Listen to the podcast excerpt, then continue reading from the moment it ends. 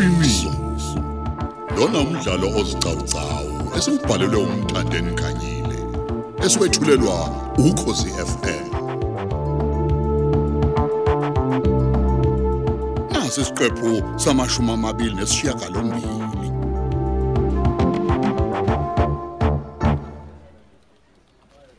Okay.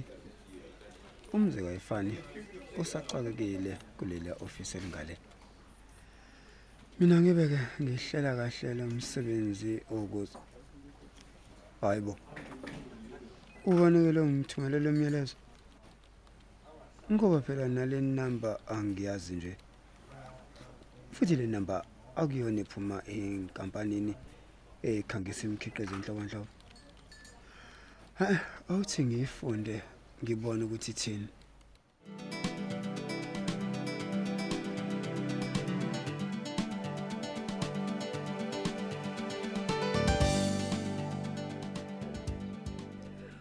U- umzayifani ke njalo satholana enkonzweni wemusi Okay. akazi lutho nje ngomlando wami nostyles Okay. ngiyacela ibandla mfethu ukuthi nawe ungibeki kahle kuyena ungayithi ivuli yandaba yabo le yandaba Ah. hawu mfethu bayeza phela nabakhongi kule mpela sonto Hey. Kanti umzi kayifani nje usha amashushu nje ukhuluma ngotwice.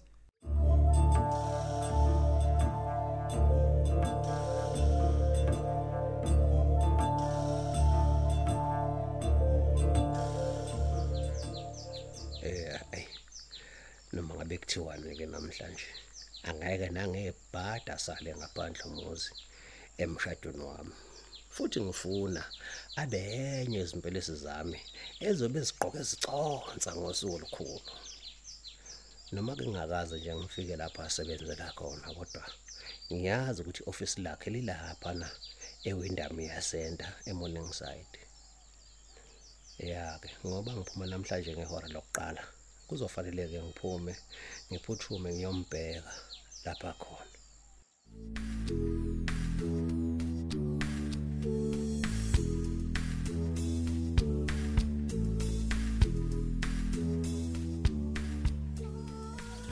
Hayibo hayibo nkosi yami.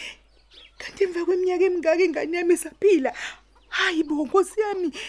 Kanti ngempela wena jehova sebawothi maqokovula wezulu namgangadwe indlela ibheke ejerusalema uyayiphendula imkhuleko yomuntu kanti usaphila utoyizi Wasukhala kangaka mngamthula thula thula phela. Kuthula sithando sami. Nkosi yami. Thula nkosikazi yini kanti uthe nomlayezo ubusungena manje ocingweni lakho mawengane zami. eyi baba utoyizi uthi uyaphila Hayibo, kahle. heyi bo Hawu. Uzobuya baba. Kukhona abantu bakwabiyela abafuna ukuzokubona babusho njalo ukuthi bafuna ukuxoxisana nabo. ayibo nazi inhlanhla baba. Nkosi engcwele. Labo bantu esingabazi bakwabiyela asebefuna ukuzoxoxisana nami kuxoxwane Hayi kangaka baba umkabadeni. ungabuza yini kodwa? Noma ngeke ngaziye kodwa kahle kuyayicacela ukuthi khona umfana thizeni baba. Uzalwa khona le kobiyele singabazi anobudlelwane naye. Yabona kumina. Yebo, Mawengane zami. Into ekuzobihamba phambili. Ukubona umntana wami uDoyce. eyibo lana enye indaba isingenzeka nje. Uma ngabe yenzeka awu nkulunkulu sibahodi ayibo umenzi wezinto zonke. Maqokovula wezulu. Ngoba njalo wena uhlela usenzele izimangaliso awu. Amukho omunye eyi.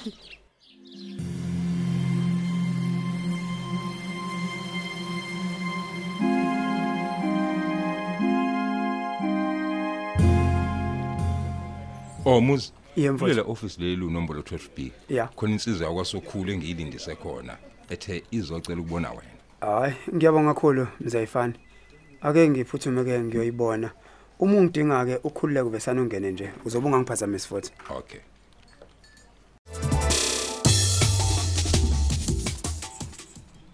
mfowethu muzi Yeah mfowethu. daka baba ngiza nesicelo kuwena mfowethu Okay. engicela mfowethu ungangiphoxele lesi sicelo mfowethu engiza naso Okay. angiqale nje ukuthi mfowethu uma kukhona lapho engake ngakuxoba khona kumbe into esake sayibanga yasixabanisa sisengabafana mfowethu. Hayi mfowethu ngicela ibole manje ngicela idlule. Siyilungise mfowethu ukuze ngizocela kahle mfowethu ukuthi ube impelesi yami ngelanga lami elikhulu noma kodwa wami uRita naye mfowethu sengimtshelile ngawo wathi hayi uzokukhethela intokazi usuka sami. Ozomesana naye kulezi ezobe zimphelezela ngakho ke wakithi ngiyacela mfowethu ukuthi uvume ungangiphoxi mntakababa hey mfowethu Ngiyaxolisa uniphazamisa abafowethu. Ngiyabona ukuthi nijulile la.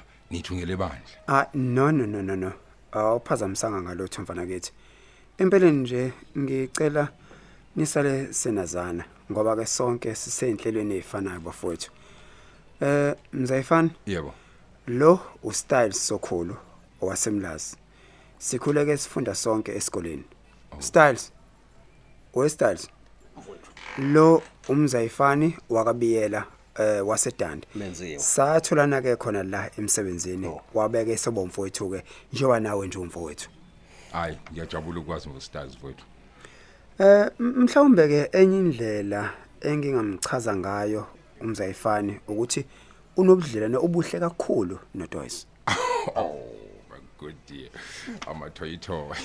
yeah Izi kanje u- ey, naku mfuthu mhlawumbe umuntu osemdala phela manje Kwa- kwakubani kambe uToyezi igama lona ngiyalikhumbula kodwa eh, ngesaba nje mfuthu ngizama ukubuyisa lapha emqondweni wami. Hayi isithombe somnikazi wegama lutho.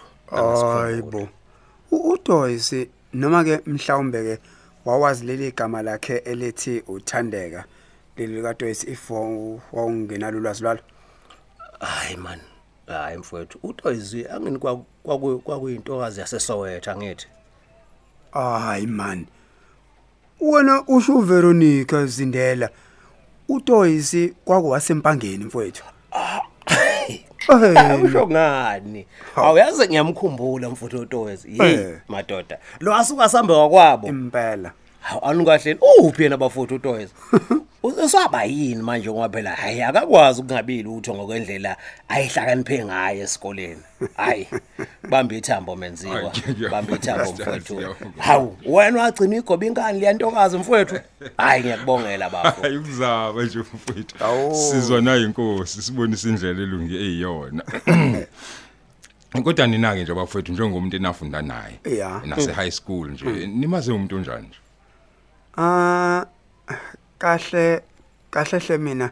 Ngingathi nje mm, ngimazi umuntu owayephethe kahle. Hayi mfowethu angekufakazele. Angekufakazele Yeah. muzi mfowethu uToys selokhu kwathi Nhlo. inhlo. Hayi ube intokazi mfowethu eyiphethe kahle. Yeah. Usengashintsha ke phela manje ke ngoba eh, eseshintsha wena sibara kodwa yena hayi. Ayilutho bafowethu. Awu. Uthezisa lokaba yileyo nto yini maze Menziwe. yiyona. Yeah. Ukhuthalela umsebenzi wenkosi, uyisithenjwa sikamfundisi. Uzigcinile futhi. Ah. Uma ngithi ngizama umqhamukela ngale enye indlela le ngithi ngifuna yo into yakhona. Yeah. Ah ungitshela ekhaleni ukuthi umzimba wakhe uyithempeli likaNkuluNkulu Yeah. Nazi. and leyo nkonzo uyiqala meseshadile. Simazi njalo. Hey. Usukuhlabena mfowethu mabutho lomuntu onjalo. Yeah. Efana mfowethu. Ngiyazibongela. Manje ke sekuvimbeni pho ukuthi umthathe ke mfoka Ntshangasi. Hayi kuvimbe lutho lutho bafowethu lutho. Yeah. impela. Ngizozishaya zonke ziphelele kule mpela sonto. Yeah. Eh, Ngize ngishaye neyomqhoyiso ngoba phela u- uthi useyintombi into ugcwele mpu. Eh? Unamanga wena. Hayibo. Ugcwele imputho izi. Nje ngiyantshela. Nekalevel bafu. Hayi wemambani.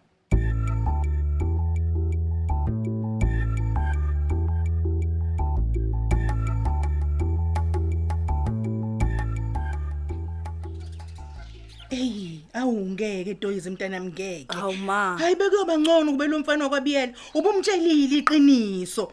Hayi iqiniso lesikhulule mntanami. Hawu, ma- Ngizoqala ngapi nje mina lento kubaba wakho? Ngizoqala ngapi? Awu i- mama ngiyacela bandla ngiyacela mama umuhle ngiyomtshela uma ngabe sesishadile Ini? nami ngiyikhalele ma ngimncenga ukuthi angangilahle ngimchazele yonke into ezobe ingenza ukuthi ngingamtsheli iqiniso Akwenziwa kanjalo Hawu,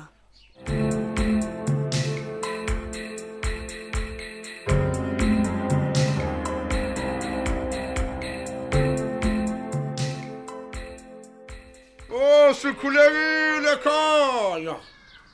Nina bodlami nondla ngamandla osuka likhulu. Hey sithunyiwe lapha sithunye obiyelo umkazi. Abakhunyisha inkosi ithi kanti abafokazana beyigonyisa iqatha. Sizocela isihlobo esihle. Sisho ngetholela kwethu elimpeni. iduna lakithi elinyoni kayiphumuli inkomazi yakwethu eyindlu ivaliwe ithokazi zakwethu eyimbili eyimaqanda kawuye. Nenkunzi yakwethu ke umashudulo ongahlehli kanti nalezi esilungu esiziphethe zona zihlala lapha emaphaketheni bakuthi awu sikhulekile ekhaya esuxolisa-ke ngokunivusa ngomsindo ekuseni kangaka bosiwa likhulu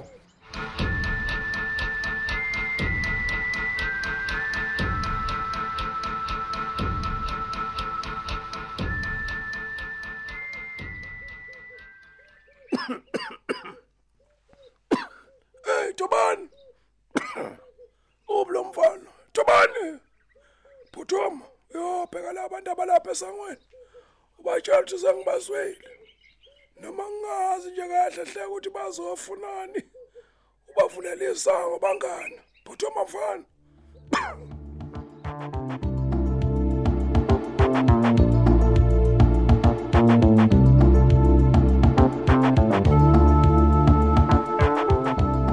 Asubambe lapho umdlalo wethu namhlanje ebeswetshulelwa ukhozi FM